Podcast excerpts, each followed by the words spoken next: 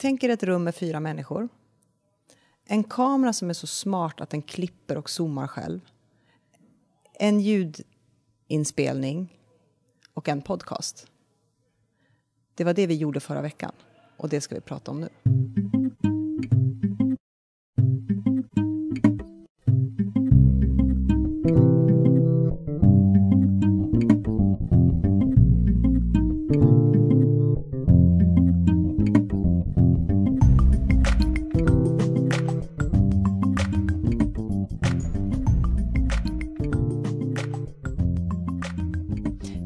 Här är podcasten Social by Default. Och precis som alltid är det jag, Sara Larsson Bernhardt, som tillsammans med Deeped Niklas Strand driver den här podcasten.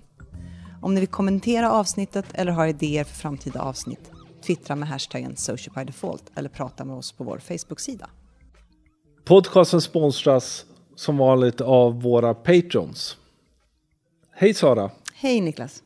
Var är vi idag? Vi sitter i ett nu tomt klassrum på Bergs tredje våningen och har precis avslutat vår 27 kurs i bygga varumärken i sociala medier. Hur har det varit? Det har varit kul. Eh, lite annorlunda grupp den här gången. Vi brukar ju oftast vara lite nervösa inför de decemberkurserna just för att nivån och de som kommer har varit extremt hög och varit mycket opinionsbildare, mycket offentlig eh, verksamhet och så här. Det var lite annorlunda den här gången. Mm. Lite annorlunda. Sen lite annorlunda därför det första kursen du gör med en, en del erfarenhet från den andra sidan så att säga. Ja. Eh, och liksom en, en, någon sorts annan eh, verklighet som du lever i. Det är sant. Eh, och visst har vi dragit en del paralleller och det är ju lite som vi har pratat om innan i podcasten att eh, det är ju först när man brottas med vissa problem som man inser att de finns. Och det har ju varit en erfarenhet som jag tror inför nästa kurs och kursen efter det kommer vara än mer värdefull med tanke på att då har ju jag har kommit in i mitt jobb mycket, mycket mer och vi har jobbat på det sättet tillsammans på ett annat sätt. Så, men det var det kul. Jätteroligt. Eh, man är som vanligt lite fredagstrött. Mm. Eh, det, det är eh, tufft. Tre dagar, eh, stå framför en klass. Det är det. Och det är tur att vi är två. Mm. För jag tror att dra en sån här kurs själv är nog övermäktigt. Framförallt eftersom både du och jag tenderar att vilja dela med oss av så mycket som möjligt, vilket innebär att Eh, om vi ska vara lite självkritiska, det är inte så mycket active learning. Även Nej. om vi har mycket dialog och mycket diskussioner så är det ju från nio till fyra väldigt intensivt. Ja, och jag har ju haft en av de här kurserna själv mm. och vet ju att det är ju, man är ju extremt trött på sig själv redan fram på liksom Lunch dag, dag två. Eh, och det är väldigt skönt att du är tillbaka.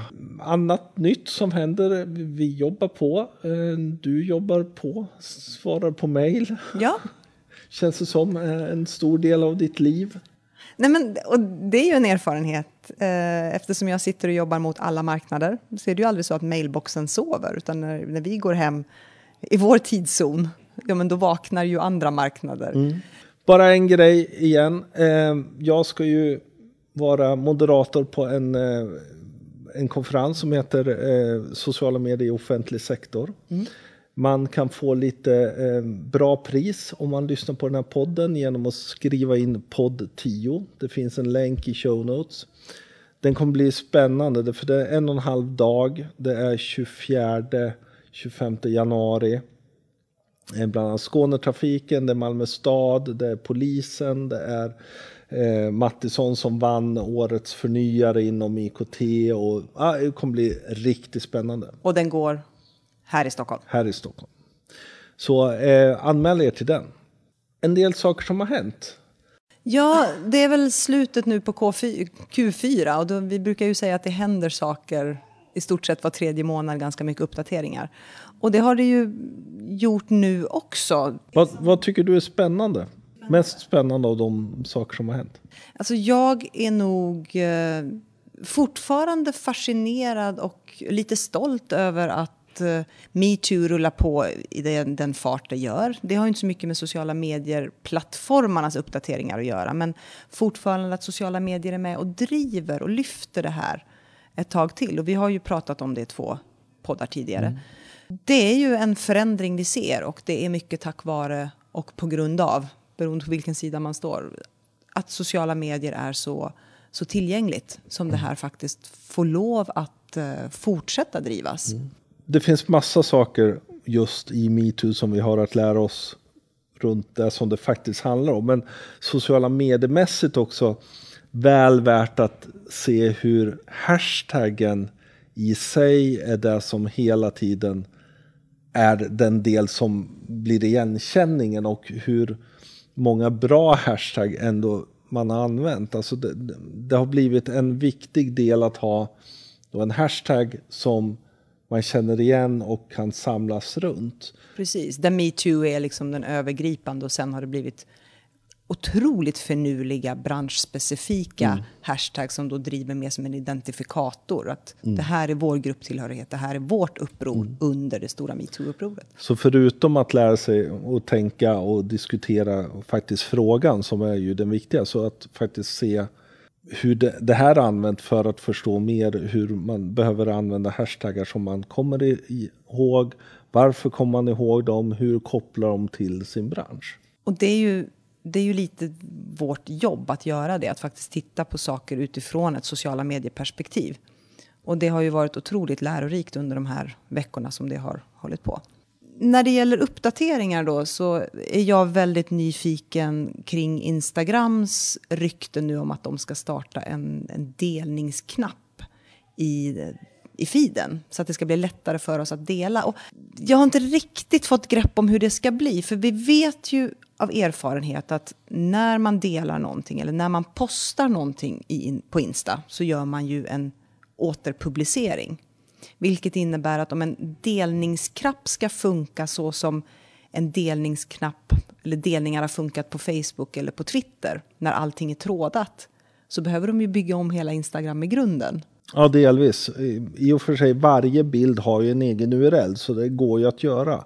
Ehm, och det lär de ju göra på något sånt sätt så att det fortfarande är trådat för att undvika eh, Upphovsrätts... upphovsrätt och immateriallagar. Ehm, men ja, spännande och väl efterfrågat och det kommer ju förändra Instagram-strategin ganska mycket. Mm. Därför det blir ju plötsligt ännu viktigare att göra någonting riktigt bra. Fast min fundering i hela det här är, vill vi, och nu pratar jag utifrån ett personligt perspektiv, vill vi reposta andras bilder in i vårt eget flöde? Ja, varför inte? Alltså det är ju ganska många som ändå tar bilder på andra bilder eller tar skärmdumpar på andra saker. Så jag tror inte alls det här är långt ifrån ett beteende som många har. Mm. Att man liksom kollar den här snygga klänningen eller någonting sånt. Att... Men då, och då närmar vi oss ju Facebook ganska mycket mer än vad vi har gjort tidigare. Mm. För det har ändå varit så att Instagram har ju varit mitt varumärke väldigt mycket. Alltså det de bilder jag har tagit, de bilder som jag är intresserad av. Och ja, men lite som ett fotoalbum ändå, mm. i, ett, i ett levande flöde jag skulle ju inte gå in och ta din bild i ditt fotoalbum och lägga in i mitt album. Jag, jag har lite svårt att se hur det ska mm. bli. Ur ett företagsperspektiv kan jag förstå det om man vill jobba med kuraterat innehåll och, och jobba med andras bilder som är kopplade till varumärket och så här. Men då kommer vi ju med upphovsrättslagen och det här. Det, mm. det är lite knöligt. Men jag, men jag tror samtidigt att Instagram startade och började användas av personer som redan använde Facebook på ett sätt och därmed enda chansen för Instagram var att vara någonting annat än Facebook. Mm. Idag har vi ganska många som egentligen börjar använda Instagram och Facebook är någonting som man kanske skaffar mest för att ha det, men det är inte den aktiva delen av ens sociala medieanvändande. Vilket innebär att då använder man Instagram på, ett, på det sättet vi tenderar att använda Facebook många mm. gånger. Eh, och, och där, där, tror jag att de har sett att nu är det dags att närma den, skapa högre viralitet också delvis slå sönder eh, så att säga, följardelens eh, tyranni. Och jag tycker det är ledsamt. Det de också har gjort, och det har de ju släppt precis idag, eh, det är fredag idag, är ju att stories blir lite mindre tillfälligt. Du kan spara stories i ditt, eh, so- som liksom ständiga delar och visa upp under din eh, profilkonto. Och sen kan du också dela ut, om du har gjort en bra story som du känner, den där vill jag ha i mitt vanliga flöde, kan du dela det i ditt vanliga flöde. Och det är ju två saker som gör att stories kopplas samman närmare med det vanliga Instagram. Ja, men det ska bli intressant att se hur det, hur det utvecklas. Kommer det, om, om vi ser att Instagram närmar sig och blir lite mer Facebook, kommer det rädda Snapchat? Svår fråga.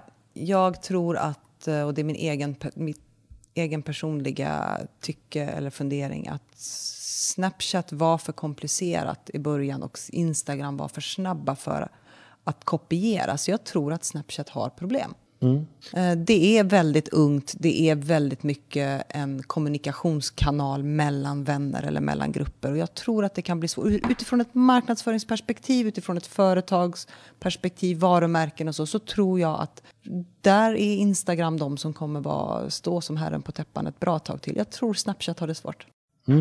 Snapchat håller ju på och gör en redesign. Vi vet inte riktigt hur det kommer se ut, men det som de har berättat är att de kommer trycka ännu mer på just det mellanmänskliga. Alltså de man följer, de man har kontakt med kommer bli ännu mer starkt. De plockar bort hela, alltså det Discover som har varit på första sidan plockar de nu till en egen flik igen. Eh, och helt enkelt satsar på att vara väldigt, väldigt mycket mer sociala och mellan kompisar. Jag tror att ett misstag som Snapchat gjorde var att de inte värnade om influenserna på ett bättre sätt än vad de gjorde. För det var ju ändå väldigt många influencers som drev mycket av trafiken och mycket av visningarna och så på Snapchat. Men eftersom de tyckte att alla var lika mycket värda och inte ville ge dem extra utrymme och sådär så gav de, de gav liksom bort spelplanen till Instagram. Eh, och jag tror att de kommer famla ett tag. Ja, framförallt famla om de ska vara viktiga i ett marknadsföringsperspektiv. För generellt, alla kidsen använder Snapchat. Det visade ju svenskarna och internet. Men det är ju samtidigt också någonstans visar ju att vi kan inte vara hur jäkla blinda som helst till alla använder det. Det, för, men, det spelar ju ingen roll om alla använder det om det som företag är nästan omöjligt att få någon att följa sig på plattformen. Och det är ju viktigt när man idag pratar om följarantal att ja visst, det är det här, det är den här demografin och så. Men går det att använda? Är, är det intressant utifrån ett marknadsföringsperspektiv? Oavsett om det mm, skulle vara miljarder som använder det. För jag menar, de måste ju tjäna pengar någonstans. Och det är väl där också de slåss. Ja, men ja, fast jag vet inte om de ens längre är intresserade av att tjäna pengar. Utan de ska hitta på andra sätt. En ytterligare grej som hör ihop med lite det här, det är ju att YouTube som jag höll på sista, nästan sista eh, sociala medier skapar någonting som de kallar reels. Som är alltså en, en sorts stories. Med enkla, snabba mobilfilmer som man då kopplar ihop och gör en film av. Som kopplas ihop då med sitt eh, konto. Jag vet inte vad jag tycker. Jag tror det är skitsmart. Generellt helt enkelt, för problemet för YouTube har ju många varit att du har en procent någonting eller några som skapar innehåll, många som tittar, många som följer, många som skulle vilja. Men att göra en, en film idag är ju jobbigare än någonting annat. Här plötsligt så skapar de möjligheten för alla att ändå vara lite creator. Göra lite någonting som några kommer titta på. Ja, och, och visst, de, det är kanske ett jättesmart drag och i vissa fall kanske jag känner mig gammal. Men jag kan tycka att det är lite synd att alla närmar sig varandra, att alla gör samma sak, nästan. Jag menar, vi kan ju bygga stories på Snapchat, vi kan bygga stories på Instagram, vi kan bygga stories på Facebook, nu kan vi bygga stories på YouTube. Har vi tid att titta på det? Eller är det så där att vi börjar urvattna varje... Det som egentligen var det fina med de olika kanalerna, att de faktiskt var ganska olika. Att vi hade olika... Vi var i dem av olika kontext och nu börjar allting bli samma. Det är en intressant fråga. Just det här, har vi tid att titta på saker? Var ju i det som vi pratade om i det som kommer bli någon sorts huvudspåret i den här, det här avsnittet. För du frågade ju nyss vad, vad har hänt med era kurser under de här, vi, sa, vi har haft 27 kurser på Bergs. Och två saker har ju hänt som är väldigt, väldigt eh, tydliga. Det första är att vi pratar mer kött. Och det har vi pratat om i podcasten tidigare. Det andra är att vi pratar väldigt mycket mer rörlig bild. Idag är inte rörlig bild någonting som vi väljer att göra när vi pratar kommunikation i sociala kanaler. Det är någonting som vi måste förhålla oss till och faktiskt måste göra. Och några som är otroligt duktiga och har drivit mycket av utvecklingen av rörlig bild och streaming i Sverige är ju framför allt Björn Falkevik. Och nu tillsammans med sin flickvän Cheyenne. Så vi tog och eh, tog tunnelbanan ut till telefonplan och gick ner i en, källar, en källarlokal och satt och spelade in det här avsnittet som ni kommer få höra. Samtidigt som vi då hade en Mivo-kamera, vilket du ska berätta lite mer om, och körde live på Facebook. Precis, och vi kommer självklart lägga till eh, länken till eh, eh, live-feeden som kommer vara lite längre än det här. Därför vi kommer klippa en del i det här. Därför det vi gjorde var helt enkelt att använda då nördarnas nya leksak, en Mivo-kamera som fungerar som en livekamera. Den har väldigt hög upplösning vilket gör att den kan automatiskt bildproducera. Vilket innebär att det blir roligare att titta på någonting. Faktiskt lite roligare att titta på fyra personer som sitter och dricker kava och käkar ost och pratar om sociala medier, om politik och sådana saker som det här blev. Spännande, så gå in och titta åtminstone en liten bit just hur tekniken fungerar. Men det vi valde att göra var att då ta delar av det här samtalet som var oerhört spännande som fick flyta vidare och faktiskt göra en podcast av. Så den kommer här. Hej!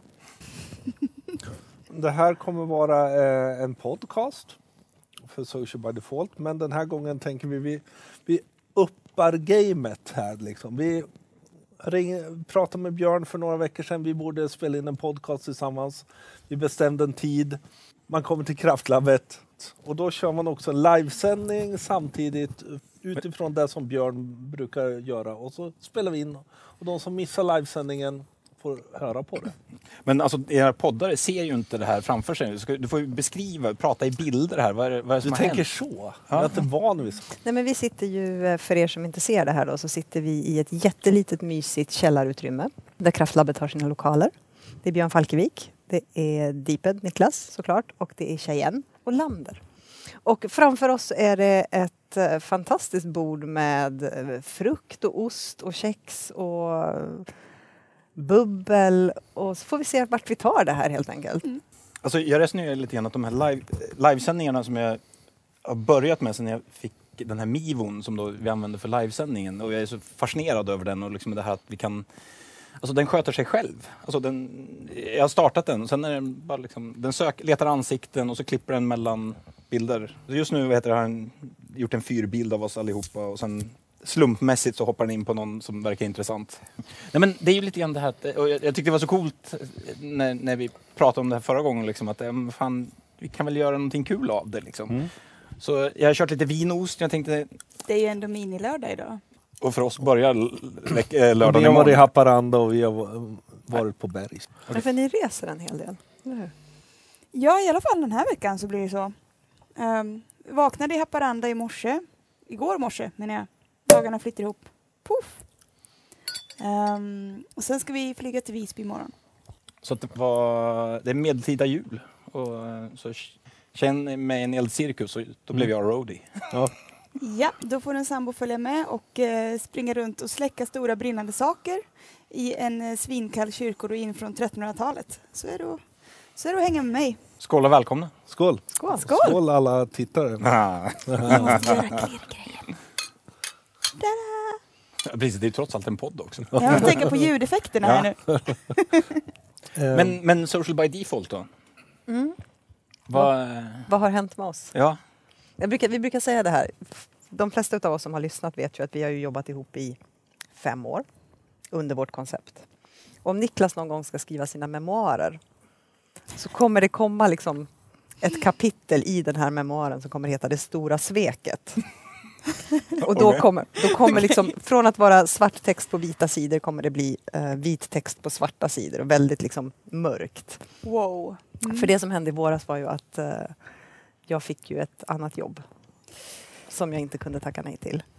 Vilket innebär att konstellationen Social by Default som vi har haft den under fem år har ju förändrats en hel del. Mm. Eftersom jag har gått från att vara konsult och in i corporate-världen. Och eh, idag är det väl snarare en, en plattform för vår podcast, eh, våra bergskurser och framförallt kanske kunskapsutbyte oss emellan.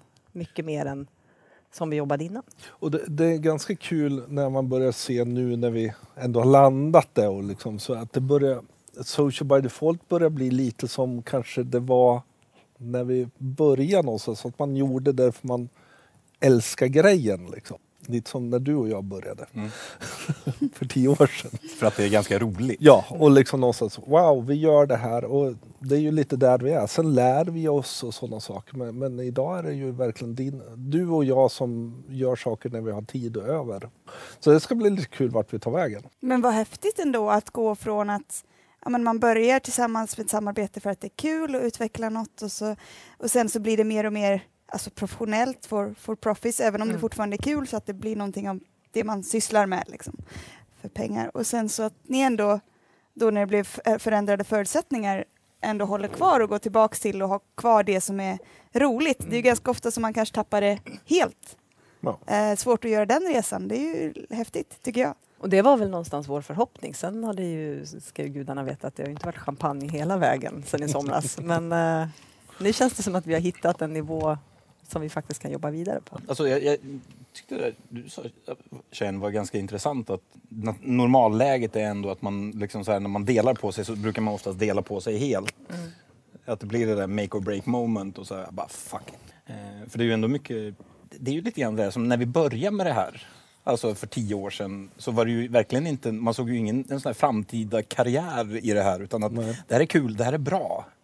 Men det är nog mest för att det är kul. Ja. Nej, men du gjorde ju av med liksom mest eh, internet, eh, vad heter det? Pengar. Mobi- mobildata i Sverige. Nej, Jag var inte en helt populär kund hos Tre har jag en känsla av. Det var, och det var på den tiden när man fortfarande hade flatrate-konton. Och jag, jag tog det där på blodigt allvar. Alltså det, Alltså, i, men idag är det också ganska roligt, instick här, men när det ringer eh, telefonförsäljare av internetabonnemang och sådär till, till Björn så är det väl Stackarn. alltid, alltid lika roligt att lyssna. För att, får jag ändå ge dig cred, han, du svarar alltid, svarar alltid fastän han ser att det är försäljare och är så här trevlig och artig, men vet ju så otroligt mycket mer än den här stackars försäljaren vet.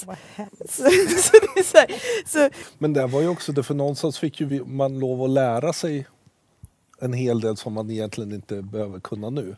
nej. När, när det ändå började. Liksom. Men jag, jag gjorde jag, jag satt och gick, jag, försökte, jag, jag försökte ladda ner mitt bambuser-arkiv i en veckas Ditt tid nu. måste vara, gal, galet. Eh, Jag har failat någonstans bortåt en 25 gånger. Nu har jag börjat ta dem 100 åt gången. Eh, Men sista downloaden jag försökte, då var den, på, då var den uppe i 65 gig. Eh, hur många filmer är det? Ja, det är 860 stycken, men många av dem är ganska långa också. Alltså jag har ju några såna, eh, Sändningar? Liksom. Sweet, Sweet Sunday Web Crunch, det var ju i snitt en timme per livesändning. Liksom. Och där, gjorde vi, bara där har vi ju en 40-50 stycken liggande. Liksom. Och det är lite grann det jag försöker, det, den, det är den känslan jag försöker hitta tillbaka lite grann till. Alltså med de här eh, livesändningarna. Att, ja, men det, det är ro, roligt att sitta och prata, det är roligt att byta egen, erfarenheter och det här liksom. Och det behöver inte vara så jäkla planerat och strukturerat. För att så länge man, så länge man har en egen passion i det man gör eh, och, och vill dela med sig, då tycker jag det är ganska okej. Och det var ju det, för jag tänker en, en lite kul grej kan vara just att prata live och hela den. Eftersom det började där 2007, 2008 med Med, 2007 var ju Bambuser kom. Ja, Eh, precis. 2006 släpptes ju Youtube i Mm. Europa. och sen har det ju varit lite, ja, men man har kört live från konferenser och det har blivit lite professionellt. Nu är det ju återigen, och det var det som var så skönt att se dig och Jocke, Jesper, när ni fick era Mivos. Mm. Liksom att plötsligt var det, Passionen kom tillbaka. det, det var liksom som, som när liksom, Lucky Babies liksom. här, åh, en 95 8 gig liksom. Tio år Oh. efter Bambuser så kommer Mivon och Det, bara... var- det var liksom lite samma den känslan. Där är ju en ganska intressant att där du och jag Sara kan, kan känna liksom att det händer inte mycket nytt i sociala medier. Liksom. Men det som finns behöver ju då kanske återuppväckas eller hitta ytterligare sätt att göra någonting intressant med. För att det inte bara hela tiden ska vara just planerat, konferenser, sådana saker. Och det, det är ju det som är spännande vart vi kan ta vägen nu. Jag kom ju in lite senare, för ni har ju varit med hela vägen. Eh, jag ramlade ju in runt 2009 egentligen i hela sociala mediesvängen. Och det var fortfarande väldigt mycket nyfikenhet, det var fortfarande väldigt mycket passion. Men sen tycker jag de senaste åren har det skett så mycket. Och vi pratar ju om det ganska ofta, att det här liksom, det kändes som att det var roligare förr. Det var mer lättsamt förut Mm. på något vänster. Och då är frågan, kan vi hitta tillbaka till det igen?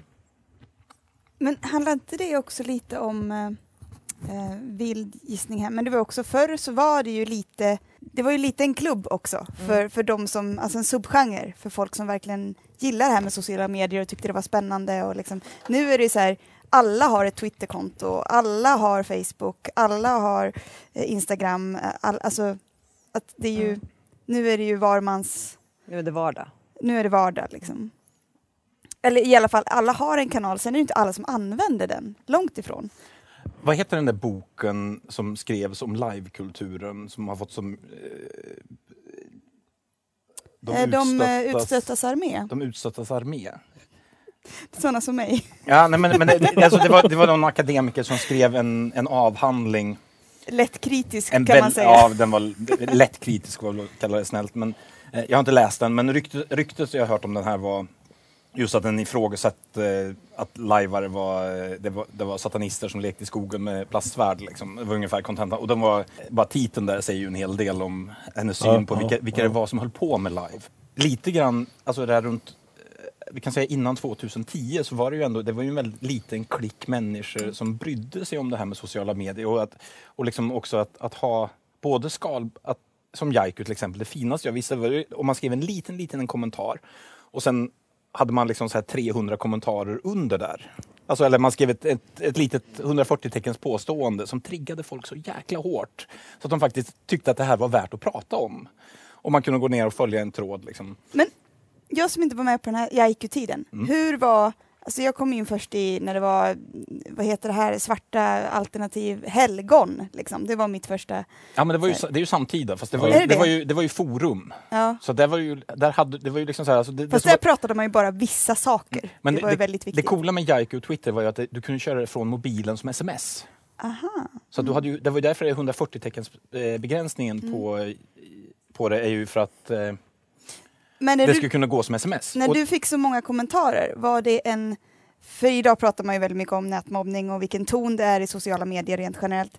Ehm, hur var tonen liksom? Var det så att det var bara dina kompisar som skrev så att det var en väldigt trevlig ton? Eller det var var en det... otroligt trevlig ton. Ja. Alltså, och den var ju extremt både förlåtande och tolerant. Men det var ju för att det var en sån liten klutt. Mm. Alltså, Sen kunde vi vara osams Ja, men- om men även när vi- sak. liksom. men även när vi Ja. bråkade så var vi ju artiga. Det är i alla fall min minnesbild av det. Liksom. Okej, någon gång spårade det väl ur. Men Ja.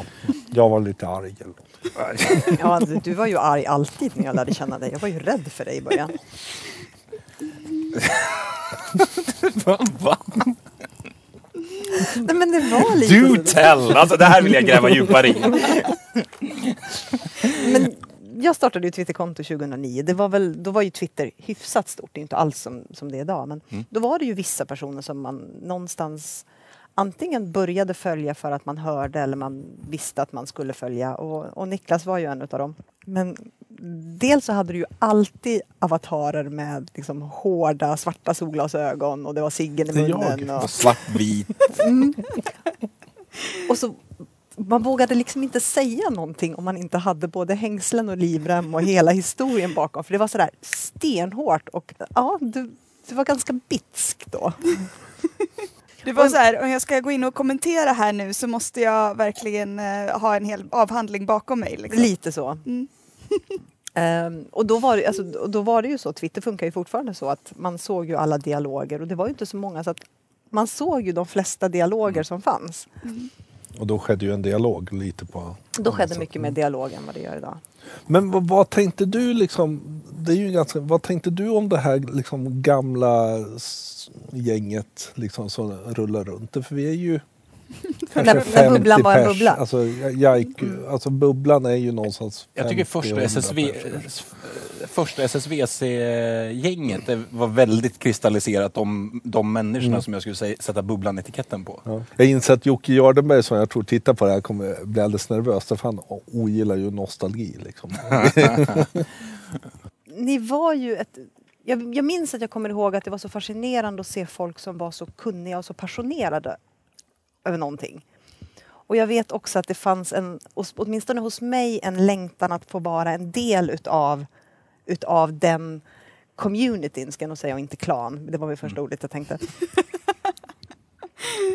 Och någonstans funderade på liksom, hur, hur ska man kunna, vad, vad behöver man kunna för att få bli en del i det här ganska tajta, tajta gänget. Och då var det ju det. Det var vissa man skulle följa och man började, började läsa väldigt mycket och titta på dialoger och sådär. Och sen vet jag första gången, och nu kommer väl Jocke hoppa högt här igen då. Första gången man verkligen såg att det var inte en sån här tight community. Det var ju när Flixjox kom. Flickjox. Där man helt plötsligt insåg att det var ganska mycket vi och dem. Och det var ju också första gången det, var, det blev liksom hett på riktigt. Jag var ju mitt i den, säga. Du och jag var ju mitt i. och det, alltså det är ju fascinerande, alltså just den historien är ju så roligt för att den, den börjar ju verkligen som ett, ett, ett snack, ett skämt över liksom frukostbord. Vi bor ju kollektiv, alltså skitmycket folk under Almedalsveckan. Och vi är trötta och vi är ganska liksom så här flamsiga och det, det är liksom så här Åh gud vad det där exploderade i ansiktet på oss. Det här måste varit precis när vi började dejta.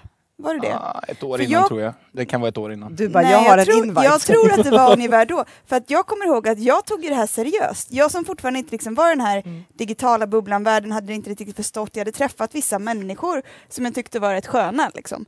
Men eh, jag, det var inte riktigt min, min, min cup of tea yet. Och jag trodde ju Flickjox var, alltså jag trodde att allt det här var på riktigt och att det här var något liksom seriöst. Och så, så det tog ett tag innan jag så här, jaha, det här är liksom en, ett, ett skämt som spårade ur och blev en grej och bara, ah, okej. Men det var ju också i en period som det kom ganska mycket Mm. nya nätverk. Och det var en, he- det var en hets i det Ja. också. Att man, man, man, Man skulle var vara först. Ja, man skulle vara först. Det var ju liksom så här... Och, det, men, och den, där- den där delen var ju liksom så här... Alltså hela det, det här hetsiga beteendet. Alltså det var ju inte, inte speci- specifikt utan om man tittar på, liksom, det var ju punktmarkeringar liksom, så här, på Silicon Valley och på alla startups. Och det var ju liksom så här... Och alla använde den virala loopen. För Ja. det var ju lite det att du hade fem invites och så kunde du dela. Ja. Och det var ju där vi kanske var, Det var lite, liksom så här, vill ha lite knark? trötta. Freebies. Ja, jag hade l- Ni var så lite jävla trötta lättlurade. Ja, det- Men det var ju inte det som var grejen utan alltså, det, det var ju snarare det där att det var... Fast, jo, men vi pratar ganska mycket om det här på, på vi har ju bergskurs nu då, just det här varför delar vi saker och varför interagerar vi och varför engagerar vi oss? Och en väldigt stor drivkraft är ju att bygga sitt eget varumärke. Och det handlar ju väldigt mycket om det. Du är en utvald, du har fem invites. Vilka ska jag liksom plocka in i den här gruppen? Och det gjorde ju att det fick en enorm spridning väldigt, väldigt, väldigt fort. Och så var det um, either you're in or you're out. Mm. Det var verkligen en sån där vattendelare. Men det är väl någonting som är ganska tidlöst tänker jag. Alltså jag tänker på, ni vet, alla dessa herr och, och herr och kvinnoklubbar, frimurarvarianter som ju har hela sitt existensberättande på, du behöver inte ens ha samma intresse för att vara med i de här eh, communityerna utan det enda gemensamma egentligen är att oftast är det ju på kön och det är lite fånigt men, men det enda gemensamma är oftast att du har blivit invald av två andra och du kan få välja in två andra. Alltså Ja, det är Det ju är samma det mekanism där. liksom. Mm. den mekanismen, det finns inget, inget liksom annat utan det är det som är det viktiga. Att så här, Jag har aldrig varit med någonstans. Jag har inte, Eh, Inte det. jag heller. Eh, Jocke frågar här. han eh, har, eh, det fan skrev just om flickjox innan vi började prata om det så han tyckte det var skön eh, timing. Eh, men han säger, är, det- är jag ensam om att sakna invite-hetsen? För jag tror ju att det var egentligen ett ganska smart sätt att marknadsföra saker. Alltså det är ju en extremt briljant, ett extremt briljant sätt att bli viral. Eftersom alla pratar om det och eftersom det är några som driver då hela det här och sen så får de en ganska stark eh, respons i, Det är ju en väldigt positiv spiral också. Du, ju högre upp du klättrar, alltså, eller det är ju ett pyramidspel i den bemärkelsen att kan jag naila mina fem så har jag dessutom bumpat upp mig själv i pyramiden. Jag är ju ingen early adopter så att jag vet inte om jag saknar den där hetsen. Jag skulle nog ganska, bli ganska bitter om jag inte fick följa med. Men det blev ju jag på, jag fick ju aldrig någon Spotify-invite. Liksom. Oh. Den var tung liksom. Den var riktigt tung. Det var ingen som gillade mig tillräckligt insåg jag liksom. Damn it. Det, det, det är jobbigt alltså. Det var tungt. Jag kan inte komma ihåg senast jag såg någon sorts... Ello hade ju lite det. Ja men det var ju flera år sedan. Ja, hur länge sedan är Ello? Tre, fyra år sedan. Tre? Emil påpekar, har invites-hetsen eh, utbytts med tagga och dela? Frågetecken. Fast det är ju inte lika, man känner sig inte utvald på det sättet. Nej, det är ju mer ked, jag, jag har ju mer kedjebrevsfeelingen av det. Liksom, så här, när, det här att, eller, vi- eller desperationen. Att när man måste be om att någon ska tagga eller dela, då blir det liksom så här... uh, Oh, you're so desperate. Men det, för jag tycker just som du var inne på tjejen att, att men, det här att det har alltid funnits små klickar som har varit tidigare och där kanske vi var lite i, i bubblan. Kanske det behövdes det. Alternativt att det blir lätt att ja, men, när det sen ska spricka, vad händer då? Liksom? Eh, när vi var, vi var uppe i Hap- Haparanda i måndags, då satt vi jag lyssnade, eller innan oss så var Mik- Mikael eh, Kasanovic. Kasanovic, tack, eh, pratade om eh, digitaliseringen ur ett eh, upplevelseindustrins perspektiv. Och han påpekade just så här att, att hur långt han, han började, eller han grundade med ska jag säga, att prata om eh, hur lång tid det tar att förändra någonting. Alltså ur då natur, eh, kultur, government, eh, social och så vidare. Och så jobbar han sig upp i behovstrappan. Eh, och, och det, sen vad heter, jämförde han det med hur, hur Moores lag beter sig just nu med hur saker och ting utvecklas. Alltså som, eh, hur lång tid tog det att utveckla glödlampan? Och få den ut i, i världen. Liksom. Ja, men det tog 70 år. Telefonen 50 år. Radion 50 år och så vidare. Och så vidare. Och nu är vi uppe på en cykel som är så här, eh, ja men den är knappt mätbar liksom. För att den, den går så otroligt snabbt i de innovationer vi gör. Och det är ju en av fördelarna med nätet. Det är ju just det är ett nät. Liksom så här, vi kan börja testa och, och se om det sprider sig och börja flyga. Fast vi människor är ju fortfarande långsammare än tekniken. I den, alltså i att använda saker. Vi är ju fortfarande den trögaste liksom, att, att börja bli Ja, men, användare. men skevningen mellan liksom så här, den teknologiska tillgängligheten och kulturförändringarna som är extremt långsamma. Och det, är ju liksom så här, det tar ju jättelång tid att förändra en kultur. Och i den, i den kontexten, de här, att, att, nät, att det vi kallar sociala medier, att det har funnits i tio år. Det är ju ingenting. Det är ju så superungt och vi sitter här och vi har ju en tendens att säga att så här är det. Liksom. I alla fall om jag går till mig själv så är jag väldigt eh, liksom, bestämd i mina åsikter. Och, och jag, jag är ju ute på gungfly så det sjunger om det. Enda gången jag upplever det idag, det är när man sitter hemma och alla andra är på Älmedalen. Mm. Då känner jag sådär att det finns liksom, Ja. man är inte Fast- riktigt med. Fast upplevde inte du i år, nu, vi är ju där och jobbar hela tiden och Mm. jag har inte varit lika länge i den här liksom, eh, bubblan, men jag upplevde en stor eh, förändring i sociala medier i år på att det nästan fanns en stolthet i att inte åka Palmedalen.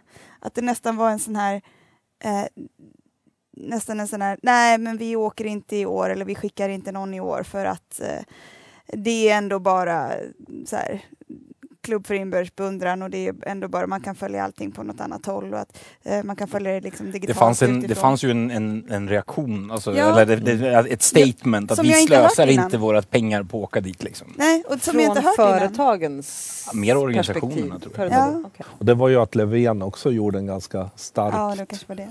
Uttalande om att han skulle När vår statsminister inte kommer dit, det, det, det är ju en ganska Ja, tydligt och- statement. men Almedalen är väl kanske en synlig sån del. Jag var i och för sig i måndags kväll och var med på eh, första lanseringen av The Great Listening som är att hela, alltså det goda av Almedalen, att liksom olika partier, partiföreträdare, organisationer faktiskt träffas på ett ställe. Mm. Tänker man försöka nu ta till USA. För där träffar de verkligen inte varandra. Eh, och i Austin så kommer man försöka med det nu i höst. Intressant grej där, alltså det här med polemik. Alltså, alltså vi har ju använt den dramaturgin så länge. Alltså om man tittar i kommunikation och PR och i Mm. marknadsföring. Att det är ju... Alltså, om du är för någonting, då är jag mot det. Och nu ska vi slåss om det. Mm. Men dikotomin liksom hela tiden. Jag, jag, jag tänkt på det, liksom, hur också politiker idag ändå verkar liksom hinta om det här att de börjar bli frustrerade över att ingenting lyckas genomföras. Alltså att man kommer... Vi spenderar så mycket tid med att bråka, vi, liksom, vi, vi, det blir större och större separation mellan oss för att vi har bråkat så länge, jäkla länge. Vi, Och där blir ju liksom, tyvärr har ju Twitter byggts upp lite på samma sätt. Att det är väldigt enkelt att vara emot varandra. Det blir, det blir liksom enkelt att vinna kanske likes eller sådana saker. Förhoppningsvis så finns det ändå en förhoppning eller en vilja till att börja dra sig mot ett samtal. Och där tänker jag just att kanske är det just möjligheten att jobba med ljud och bild på ett lite annat sätt än vi gjort hittills. Som ändå kan börja med samtalsdelar. Men det här, och det här är ganska intressant för att jag plockade upp det som du sa just det här att det fanns ett statement att vi kan följa Mm. det digitalt alltså behöver vi inte lägga pengar på att ta oss Ja. dit. Och vi har ju hela tiden varje valomgång funderat på är det år som sociala medier ska vara med och avgöra valet. Mm. Och nu om vi tittar tillbaka med liksom hela Trump och hela fake news och den här då, har vi spelat ut vår roll i det? kvaddade, kvaddade vi verktyget? Ja, men lite grann. Jag upplever som eh, privatanvändare av, av framförallt Facebook ska jag säga, att tidigare, säg för två år sedan ungefär och tillbaks, så var man för saker. Man gick med i grupper där man är intresserad av någonting, man eh, delade saker som man var för, man liksom, även om man pratade politik så var det så att man pratade om den politiken man ville göra. Och det jag upplever väldigt mycket nu, speciellt senaste året ska jag säga, det är att man är är man vänster så är man emot högern. Är man höger så är man emot vänstern. Är man för någonting så definierar man sig själv på sociala medier och sitt varumärke mer genom vad man är emot än vad man är för. Jag älskar sociala medier, men det här gör mig bekymrad. Att vi definierar oss, och det här, jag antar att som allt annat på sociala medier, att det här är en samhällsgrej och inte bara på sociala medier. Men där blir det väldigt tydligt. För man kan gå in och se ett flöde så här, vad, jag såg en, någon hade gjort en studie på hur kontaktytorna såg ut inom de olika fraktionerna. Och här var USA som var utgångspunkten. Men det var ett otroligt litet utbyte mellan den, den blå sidan och den röda sidan. Alltså det var väldigt få kontakter däremellan. Så att ofta satt man ju och skrek i sin egen echo chamber tillsammans med sina medåsiktsmänniskor. Och att det är liksom så här, det, det, var ett, det var ett stort gap emellan liksom, i, i den här exempelstudien. Och det, och det är ju, men den, där- den där negativa tonen med att jag är emot. Alltså predika för kören tänker jag, det har vi alltid gjort, även utanför sociala medier. Vi har alltid tytt oss till konstellationer av människor som, som, eh, Likasinnade. som är likasinnade och som, för man, vi tycker ju om att vara i en flock och man tycker ju om att vara älskad. Det är ju inga konstigheter med det. Och man tycker om att höra att man är smart och snygg och trevlig. Liksom. Men var, var, kan vi, var kan vi gissa att det startade? Hela clickbait-biten? Att man liksom någonstans försökte vara sensationell för att man vet att det är det som snarare driver en, ett engagemang än positiva... Det är väl kanske Men- lite det som du brukar säga Björn i dina kurser senast igår, att alla med den här fantastiska möjligheten med internet och sociala medier så har alla fått en offentlig global röst. Och det gör att alla pratar Mm. men typ ingen lyssnar för vi orkar ju inte. Man tar bort mail, man eh, tar Filtrerar. bort, filtrerar för att vi, ingen reklam tack. Liksom. Jag orkar inte höra allas åsikter och alla organisationers, för det blir för mycket liksom. Mm. Världen är för stor på något sätt. Om man, om man börjar titta på egentligen vad man själv agerar och reagerar på och vad man själv kanske också delar eller lägger ut eller... Söker tyngre droger. Eller snarare, vi använder, ty- eh, vi använder st- större och större hammare hela tiden. Jag försöker aktivt, det är så många gånger nu för tiden som jag skriver någonting eller delar någonting i sociala medier och sen raderar det innan jag publicerar det. Det händer varje dag. Varför? Eh, Två anledningar. Dels att jag känner att jag kommer få skit för det här av alla de här som är emot. Den andra grejen är att jag tänker mycket på det här och vill försöka att vara... Det är väldigt lätt att, att Trilla falla in i med det. ja, Och jag i vill inte vara sån. Sen är jag säkert det och man misslyckas hela tiden med den man vill och försöker vara. Men jag vill och försöker nu att så här, publicera de grejerna som är kanske säger samma sak om vad jag tycker och tänker men gör det positivt genom att lyfta någon som jag tycker gör det på ett bra sätt eller lyfta en person som jag tycker har ett bra beteende eller lyfta ett beteende som jag tycker är bra. Eller... Mm. Det är så lätt att bara kasta ut det på sociala medier och så får man medhålla folk och så känner man att yes, alla andra är lika arga som jag och jag har rätt och de har fel. Men det tror jag är lite farligt för det är så lätt på sociala medier och när man har telefonen i fickan att göra det. Eh, och jag tror att vi behöver mer tolerans. Kan väl ha hänt att man har gått i affekt några gånger. Alltså aff- affekt i sig kanske inte är den eh, faran men just det, det jag hör på dig det är att det blir regeln att vara negativ och inte komma med någon, men borde vi inte göra så här istället? Eller Precis. så. Därför jag menar affekt finns ju en positiv del därför det är ju också en del av passionen Mm. eh, många gånger. Men just konst, precis som du säger, konstruktiviteten saknar jag lite. Därför jag, jag kan uppleva samma sak många gånger. Någonstans man skriver någonting. Nej, jag orkar inte ta den här diskussionen. Nej. Och det kan även vara något positivt. Men man, så här, och där är ju en negativ del antagligen någonting vi måste fundera ja, men hur kan man hitta ett sätt att vända? Vi pratar ju mycket syftesdriven marknadsföring helt enkelt någonstans att det finns politikerna står på si- sina plattformar och skriker så här, ut sitt. Kyrkan gör ingenting. Ky- Kyrkan har liksom gått bakåt. Det finns egentligen ett stort hål av hur vill vi faktiskt att samhället ska se ut? Där, jag menar, där vi kan vara inne att, ja men hej, ni är en organisation eller framförallt ett företag som har åsikter och tycker saker. Ta er plats. Och där blir ju någonstans att, ja men hur gör man det? Som ett varumärke så är ju det fördelen att faktiskt göra någonting positivt och få, då kunna eventuellt lära, lära ut eller skapa en ny, vad ska man säga, ny rörelse in i ett lite mer positivt, konstruktivt. Eh, nej men jag håller på och läser igenom ter- alla Ter- Terry Pratchetts böcker just nu. Och jag, just nu är jag på en bok som heter Snuff som handlar om just det här med folk i utanförskap. Och eh, det jag tycker är så häftigt med Terry Pratchett är hans översättning av liksom vår samtid till den här Discworld Discworld, där han skruvar upp volymen och drar allting till sin ytterlighet. I, i Snuff här så handlar den om goblins. Och goblins de ses, de ses av både människor, dvärgar och troll som, som eh, ohyra. Alltså de är, de, är icke, de är smutsiga, de är liksom... Eh, jag har tolkat det här som att det, det Terry Pratchett pratar om är flyktingar. Alltså det här med att vi, när folk kommer utifrån, inte har vår kulturella samhörighet och så vidare. Eh, I boken så är det liksom det är Commander Vimes som är ledpersonen och han är eh, Commander of the Watch i Ankh-Morpork. Eh, och han pratar med en skollärare som har tagit, tagit på sig att hon ska försöka hjälpa Goblin-communityn. Och i, en, i en, ett utbyte mellan de två så påpekar hon, hon att ja, de behöver verkligen teologer.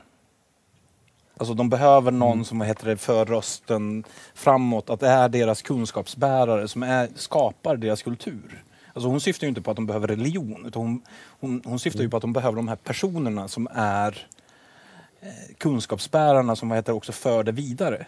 Eh, och det är, samma person har också där konstaterat att det hon kan göra, den här skolfröken då, det är att hon lär flickorna. För att flickorna kommer att bli mödrar som kommer att föra bar, föda barn som kommer att föra det vidare till sina barn. Så hon har hittat liksom en skalbar kunskapsspridning på det sättet. Men jag, jag fastnade på just det här med teologerna och just det här att vilka, och när du sa det här att när, när kyrkan har tagit ett steg tillbaka, politikerna har inte upp vår uppmärksamhet. Vilka är våra teologer idag? Alltså vilka är de som ger oss den här kunskap? Är det youtubers? Delvis det och sen så vissa, vissa kommersiella företag som har sett att det finns ett hålrum att fylla. Jag menar, um, en av de absolut tydligaste kampanjer eller långsiktiga kampanjer vi har sett senaste tiden har ju varit Always och uh, uh, Like Like, a a Girl. Mm. Helt enkelt liksom lyssnar av samhället. Vad är det vi står och brottas inför? Det finns ingen som tar dialogen. Här ställer vi oss bakom unga tjejer och pratar om dåligt självförtroende, självkänsla. Hur ska man bygga det? Varför gör ett varumärke det? Jo, för att ingen annan har tagit den, tagit den platsen. ansvaret. Och därmed skapar man ganska enkelt en, en plats i våra hjärnor som är positiv. Mm. Jag tycker Youtubers är intressant för där ser man ju, brukar liksom Casey Neistat, att han får för sig att göra en insamling. Boom säger så har han liksom fixat allting. Och, och liksom vem som helst av dem som sätter igång någonting så finns det en rörelse som varenda politiskt parti borde vara otroligt avundsjuka på. Och vad är det det handlar om? Det handlar ju om att skapa en relation. Det, skapar, det handlar om att faktiskt vara ganska transparent och personlig. Utan att vara privat men personlig och ta med folk på sin resa, ta med folk för att vara med och uppleva. Man har gett någonting, ja, men då ger folk tillbaka och vill vara en del av den här rörelsen. Liksom Mm. Casey Neistat-rörelsen eller Jag, jag har börjat använda ett annat ord mellan privat och personlig. Mm. Mänsklig. Eh, också en, en jättelång... Eh, I kontrast till varumärkesgrejen. Liksom. Nej men alltså just det här att, att det är de här, alltså som till exempel Casey Neistat, som jag tycker är verkligen som jag jätteimponerad av. Han är ju husgud här också. Så att, Jag har förstått det. Nej, Så men fort man han- jobbar med bild och rörelse i samma så är det liksom... Surprise! Nej men, men det är just det att han, är- han är ju väldigt privat. Alltså i sin, sin publik. Men han är sjukt eh, mänsklig. Och, eh, han, och i, i det han vad heter det, eh, visar ut mot utsidan är ju faktiskt någonting att han är väldigt mänsklig. Och han är väl, han är vet, bara en sån här sak, så han, han är skittrevlig mot sitt DHL-bud, eller UPS-bud. ja, det är hans Han- kompis. Ja, han låter alltid, han, när han hälsar på folk på gatan, fatta hur enkelt det skulle vara att klippa bort en sån sak i, ur hans filmer. Han accentuerar det, understryker det liksom. Han tar sig tid, stannar, this is my buddy, whoever, Niklas, liksom. Och, och sen bara tjoff, vidare. Och han bjuder ju otroligt mycket på sig själv och sitt utrymme. Och, liksom, och bygger hjältar hela tiden. Och jag, jag, jag- tycker det, det gör honom mer mänsklig. Och det, det, det är någonting jag så- också jag eftersträvar i, i mig själv, liksom, att bli mer mänsklig. Och hela tiden någonstans ger en dels en bild av, av jag menar han kan ju liksom åka eh, lyx, lyx eh, resa och tycka det är lite småskojigt. Men samtidigt så kan han också då, ja men hans, hans UPS-bud eh, hade ju en syster som var väldigt sjuk. Mm. Och då startade han en liten insamling så där över några dagar. Ja, de, och sen går också tar det vidare och berättar, då tar, tar de in och säger nej tyvärr gick det inte, hon dog här. Och liksom, de fick vara ledsna. Och samtidigt sen så börjar de skämta lite, därför livet går vidare. Liksom. Och det fanns hela tiden en berättelse om livet som ganska många unga som fortfarande ser men lär sig någonting. De kanske lär sig ibland mer av Casey Neistat än de lär sig av sina föräldrar. Vilket ju är liksom ganska viktig Men kan det inte vara så att vi söker den mänskligheten eftersom det är ganska kallt och det är ganska rått ute? Att vi behöver hitta en motpol som vi klänger oss fast vid. Att någonstans hitta hoppet om att det faktiskt inte är så jävla illa som, som det verkar. Fast det är ju det som är så sinnessjukt. Vi har ju aldrig haft det så bra som vi har det nu. Och ändå är det, alltså du är inte, du är inte den första som påpekar det, hur, hur liksom det är så mörkt och rått. Det är ju liksom så här att det, allting går ju ner efter vad jag har förstått det. Det är ju liksom så här att det är mindre våld, det är mindre krig, vi äter bättre, det är färre människor som svälter eller fryser ihjäl. Världen går ju bättre. det här fascinerar mig också väldigt mycket. Min, i, Men det är ju det är ju den bilden vi har som du, som du berättade. Det är ju den bilden Men det är ju den har. här sensationslystenheten, precis som du pratar om. Vi, Men, men eh, media gör det här så himla bra åt oss. De, media bara bombarderar, de vill sälja lösnummer, de är i panik och de, rädsla säljer, för det är ju någonting som ligger, fly eller illa fäkta liksom, det ligger så starkt i oss.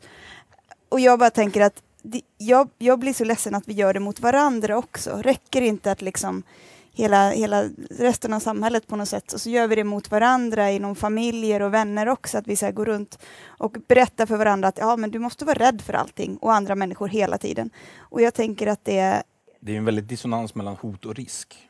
Vi ser hot överallt, men när vi kvantifierar det, vad är risken? Om man plockar över det på vad vi ändå ser då, där vi var med sociala medier och sånt, så, så är ju frågan vad, vad är rädslorna där som gör att vi hellre bara driver vår linje istället för att faktiskt fortsätta en konversation som alltid fanns. Det för, jag menar, även om det var många, en del som drev sin linje så fanns det alltid en konversation. Och vilken rädsla är det? Är det rädslan att ha fel?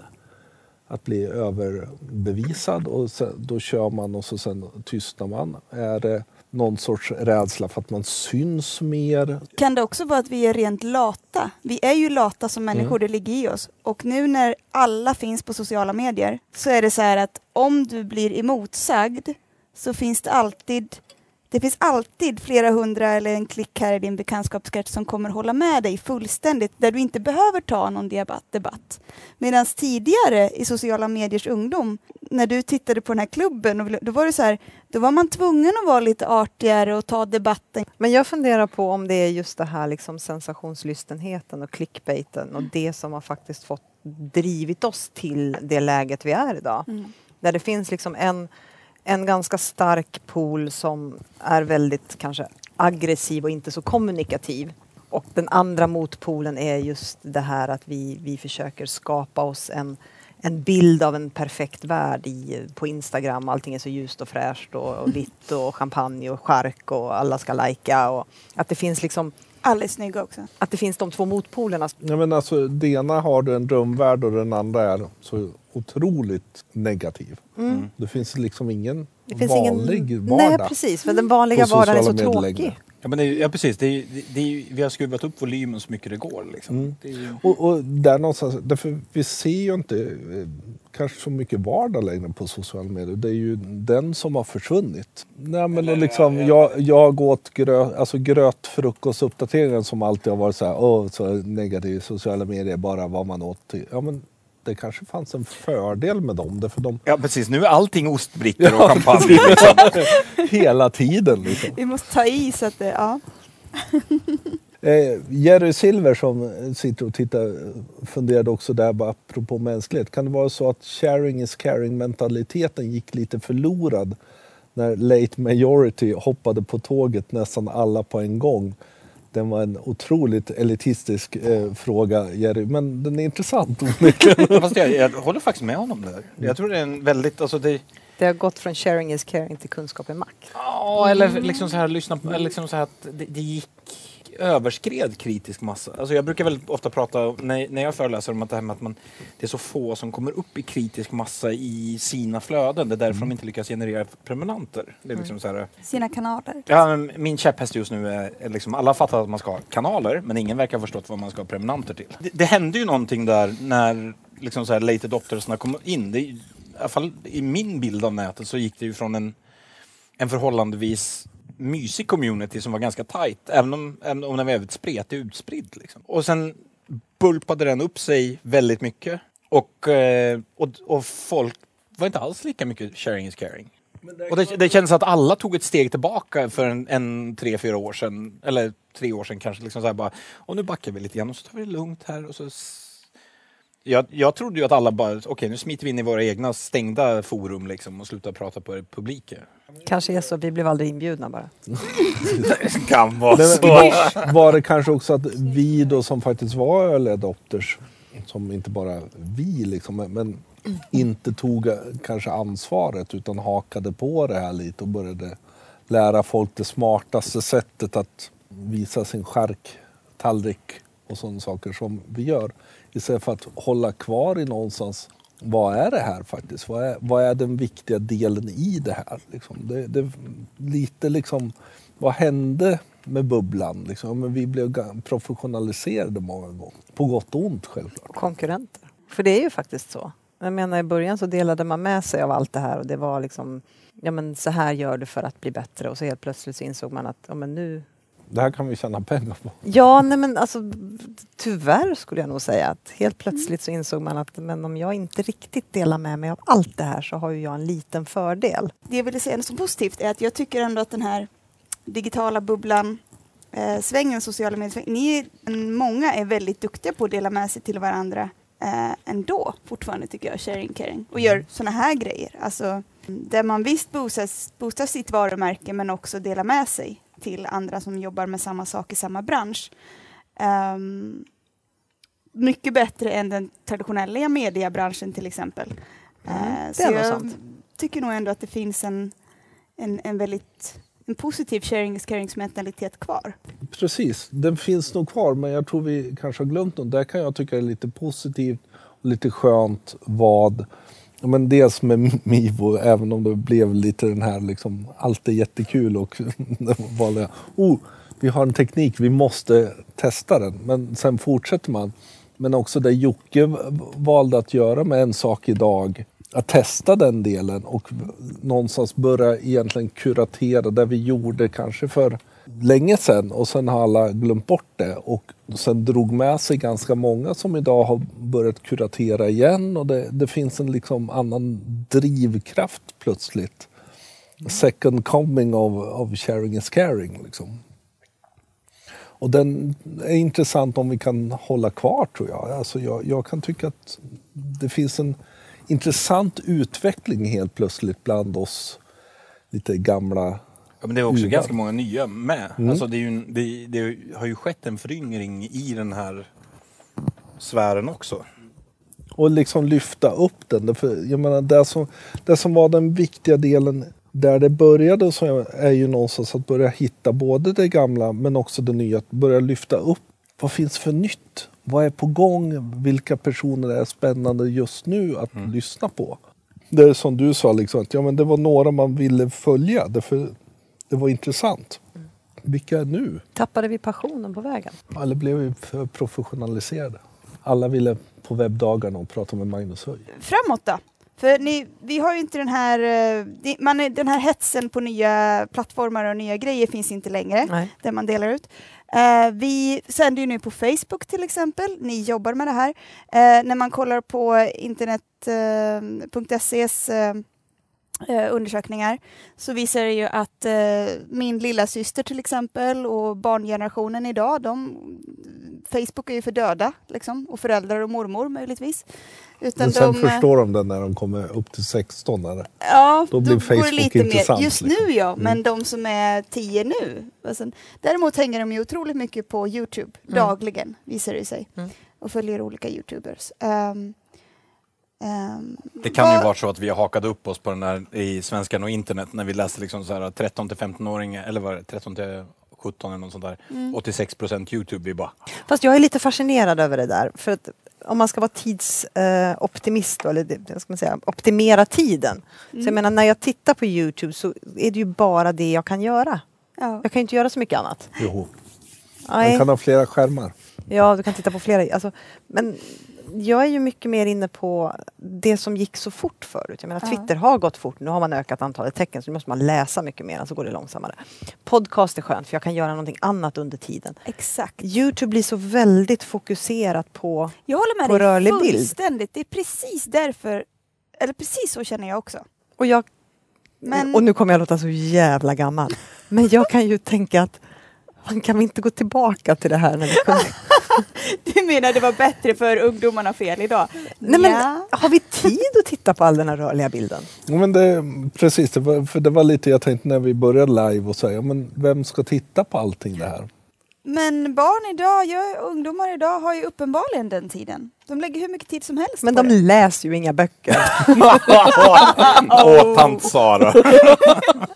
Nej men på riktigt, alltså jag tänker så här att det tar ju ändå jag menar vi, vi tittar på liksom allting, allt vi pratar om handlar ju om att rörlig bild ökar hela tiden. Men de tittar inte på tv överhuvudtaget. Nej, de tittar på De, rörlig bild. de tittar inte ens på play, tv-play eller så, utan de tittar inte på tv utan de tittar ju bara på Youtube. Nej men helt ärligt, jag tror faktiskt att eh, jag är för böcker självklart och sådär, men jag tror faktiskt Är du? att, ja det är jag, jag är bara lite dålig på att läsa. Man byter ju ut ett medie mot ett annat liksom. Jag menar våran generation, om jag ser på mina jämnåriga, tittar ju extremt mycket på tv. Jag gör inte det längre, men eh, jag tittar på play möjligtvis. Men, men de flesta mina kollegor i restaurangbranschen, alltså folk utanför den här bubblan, tittar jättemycket på tv. Jag upprörde ibland lite mediamänniskor för typ 6-7 år sedan. När jag var, Var du arg och- nu igen? Ja, jag, nej, jag var lite Reaktionär. besk. Eh, nej, men därför jag påpekade för dem att ja, men, därför det var när Siri släpptes upp och det, det, ljud började dyka upp. Det var första svängen av podcastar och sådana saker. Och alltså, ja, men vadå, vem ska ha tid att lyssna och titta på allt det här? Och då sa jag, ja men text är en väldigt liten del av världshistorien. Där vi har använt faktiskt text. Den har, varit, den har däremot visat sig väldigt bra innan vi hade så att säga, ljudband och sådana saker att faktiskt föra över stora mängder information med. Och innan dess hade vi teologerna. Ja, och innan dess hade vi någon som berättade någonting och så lärde vi oss det och så fördes det vidare och så. Så den orala traditionen. Och Och till viss del bild också. och bild. Och vi är på, kanske också delvis på väg tillbaka till det som kanske är egentligen mer naturligt. Att lyssna, se och på så sätt lära sig saker. Och åtminstone tänka sig att det är en ganska viktig del av vår kommunikation. Ja, men samtidigt som då var vi inte lika, vi levde inte i ett lika stressat samhälle. Jag känner så att ja, men jag tittar på mina egna beteenden. Jag orkar ju inte ens titta på 15 sekunder film för det tar alldeles för lång tid. Jag, oavsett om det är på Facebook eller om det är på Instagram eller om det är på LinkedIn.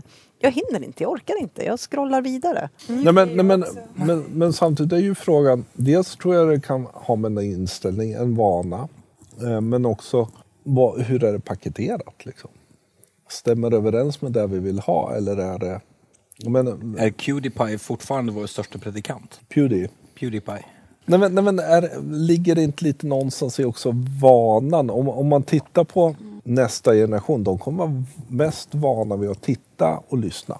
Mycket mer än att läsa. Fast det finns ju, alltså, i vissa sammanhang så finns det ju också en grundläggande kraft som är mer att det här att man ska vara sin egen producent. Det är ju inte, alltså också hur man använder internet i skolan, hur man, hur vi beter oss. Alltså okay, vi är ju liksom, vi är ju den här konstiga teknikdelen av spektrumet. Men jag tror ändå finns att det, det finns en transformation i mycket av det vi håller på och experimenterar med. Eller, eller som det här, som vi har ett en filosofisk diskussion om beteenden i, ett, i en teknologisk sfär. Ge det 10-20 år till liksom, och, vi har, och det är två generationer till som har poppat upp liksom, som, som använder teknologi mer som vi gör, alltså runt det här bordet. Alltså vi har ju den här kletad i handen. Det är ju, ja men bara, bara här, instinktivt, alla fyra lägger sina mobiler på bordet. Ja. Det är liksom så här, Ribbing hade ju fått en hjärnblödning om de kom in och såg det här. Ja. Liksom.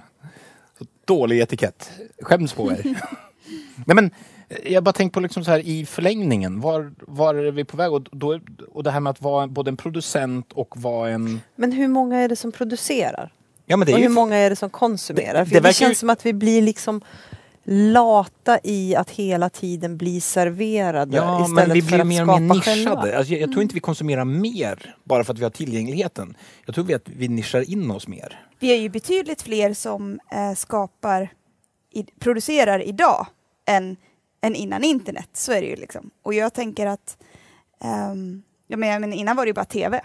Så här. Och innan dess var det bara radio. Och innan dess var det bara de i byn som var berättare och hade anlag för det. Och innan dess, alltså, eh, jag håller på med vikingatid, då var det några få stenhuggare som liksom gjorde sina runstenar och kunde liksom föra vidare ett berättande långt fram i tiden. Ehm, Det finns det alltså sättet- en om vi- 80-20-regel som du kan här, Men jag tänker mer på härleda. En, enprocentarna som hela tiden skapar saker. fast jag, tror- jag tror det är väl snarare liksom den teknologiska begränsningen snarare än att det, var, att det fanns en vilja. Men däremot, jag, jag, jag, min uppfattning är att det finns en 80-20-regel. Berätta. Alltså att 20% producerar, 80% konsumerar. Och att den, den, den rör sig som en konstant. Det är bara att du är inte längre bara producent. Du, är liksom, du spenderar 20% av din tid att producera. Och det gör att det, det är så vi balanserar upp det. Och därmed kan vara mer nischade än vi var tidigare. Men, men därför jag tänk, tänker lite eh, på dig Sara. Därför ibland när man vi liksom pratar med varandra på lördag och jag frågar vad gör du? Jag ser så mycket bättre. Jaha, gör den där? Nej, det är bara jag. Liksom. Därför där barnen har andra kanaler de tycker är intressantare. Så är det ju. Och där är ju en utveckling där att man väljer sitt eget innehåll och samtidigt så är det ju rörligt och ljudligt så att säga. De lägger sig inte och läser en bok. Nej, liksom. tyvärr. vi har jobbat så hårt för det här. Men, ja. Men det gör ju inte du heller. Men jag sitter inte och tittar på Youtube heller. Nej, men du tittar ju på Så mycket bättre eller den någon film på. du inte tycker är speciellt intressant. liksom. Ja. För jag är, jag är exakt likadan. Jag tittar också på Så mycket bättre. Jag gör det dock i play. Eh, och jag skyller också ifrån mig och säger att eh, ja, men det är ju bara på medan jag sitter och hantverkar. Fast jag har ju ändå valt det. Jag har ju ändå satt på det liksom. Eh, och jag lyssnar jättemycket på poddar just för att jag kan göra andra saker samtidigt med händerna. Jag kan till och med skriva om något annat samtidigt. Då inser jag ju att jag knappt har hört vad de sa i podden och då kanske jag inte ens har lyssnat för att jag gjort så mycket annat samtidigt. Men eh, det är ju ett sätt att liksom, det här som man förr kanske hade tvn på, som sällskap nästan. Mm. Och då måste jag ju säga att då är det ju nästan, det är ju nästan mer värt, eller vad man ska säga, eh, när då min lilla syster eller, eller min bonusdotter här faktiskt sätter sig ner. Hon tittar, alltså sen kan jag ju tycka vad jag vill om innehållet, men hon sitter ju och tittar på den här Youtube-kanalen. Fokuserad. Och hon gör det i två timmar. Vi fick precis en fråga. Är det fulare att se på Youtube än att läsa? Exakt, jag, jag tycker inte det. Men, Nej, men jag, jag kan liksom. tycka att det är ett, ett passivt kontra ett aktivt val. För när du läser gör du någonting aktivt. När du tittar på någonting Ja, du måste ju så- hålla i boken. Det är ju Ja, jävligt du, aktivt. Du behöver också, du behöver också liksom läsa. Jag tror att det du är ute efter är att man, när man läser text så eh, får ju ens fantasi gå igång på ett annat sätt. Det här är som Björn brukar säga på sina kurser, att den var blå, läser du. Och då ser vi ju, om, vi, om jag säger den var blå, då ser du en form av blå, du en form av blå, du en nyans av blå jag ser en annan blå. Eller världens vackraste plats, så här. ja men då ser vi olika grejer liksom. Eh, uh, Medan när det som rörlig bild har uh, är ju att det definitivt, det visar hur det faktiskt ser ut. Uh, du har inte jättemycket spelutrymme i fantasin där. Ehm, fast det tycker jag ju också är det spännande med rörlig bild. Så att ja, dubbelbottnat Jag ska här. hålla tyst märker jag här nu. Sara, jag tycker det är fint att du, vi är lite polemik här. Det blir mer spännande Jaha, då. nej, men, nej men det var Jocke som är äh, äh, grumpy old man just nu. Gubbe! Men Sara, fan.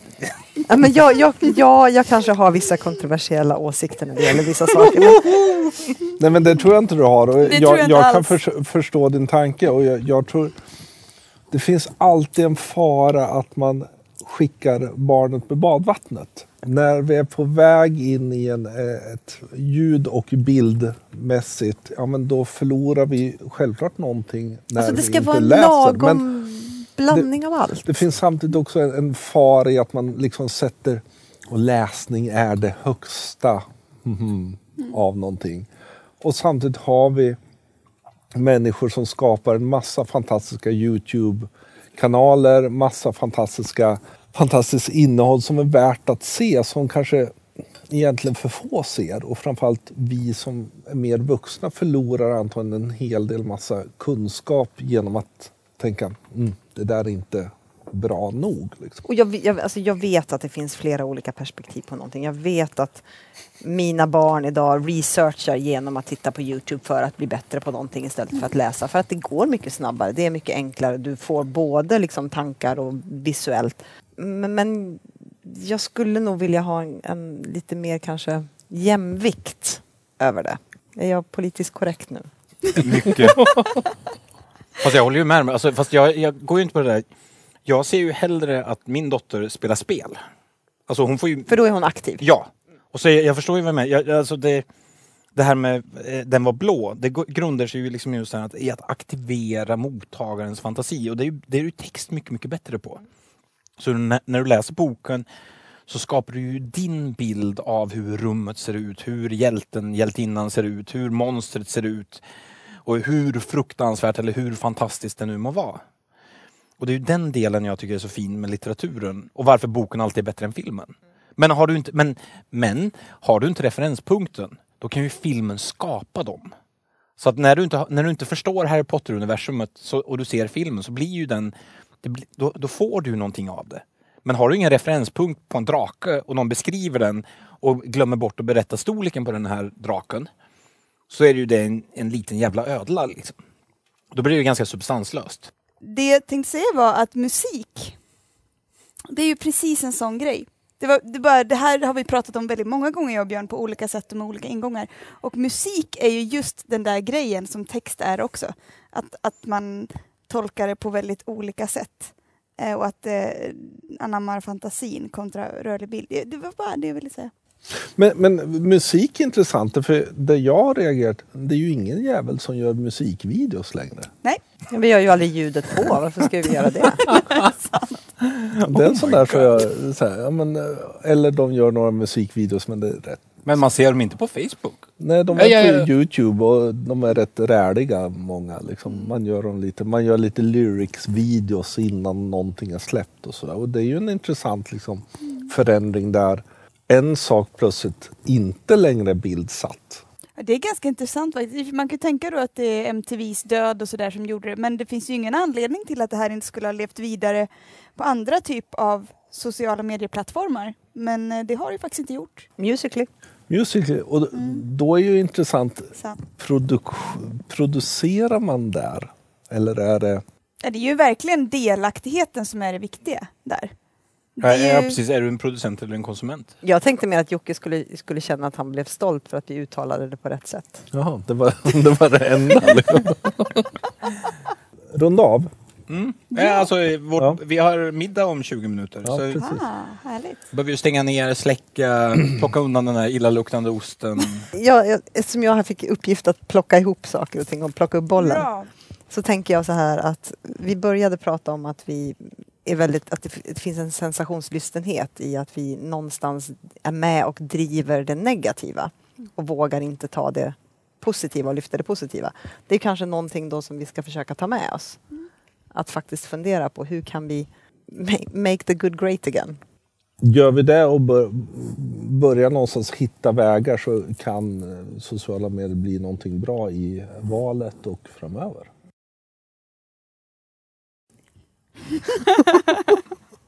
ja, vi låter lite klyschiga nu, det gör vi. Men, Så in i men... helvete. Det här var det vi hade nu. Vi lägger länkar och liknande i våra show notes. Och de hittar ni som vanligt på podcast.socialbydefault.se.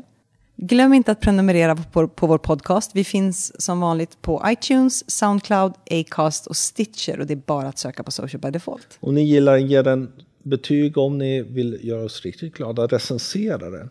Stöd gärna podcasten ekonomiskt. För idag är det vi som gör den på vår fritid, på tid över, för vid sidan av våra vanliga jobb.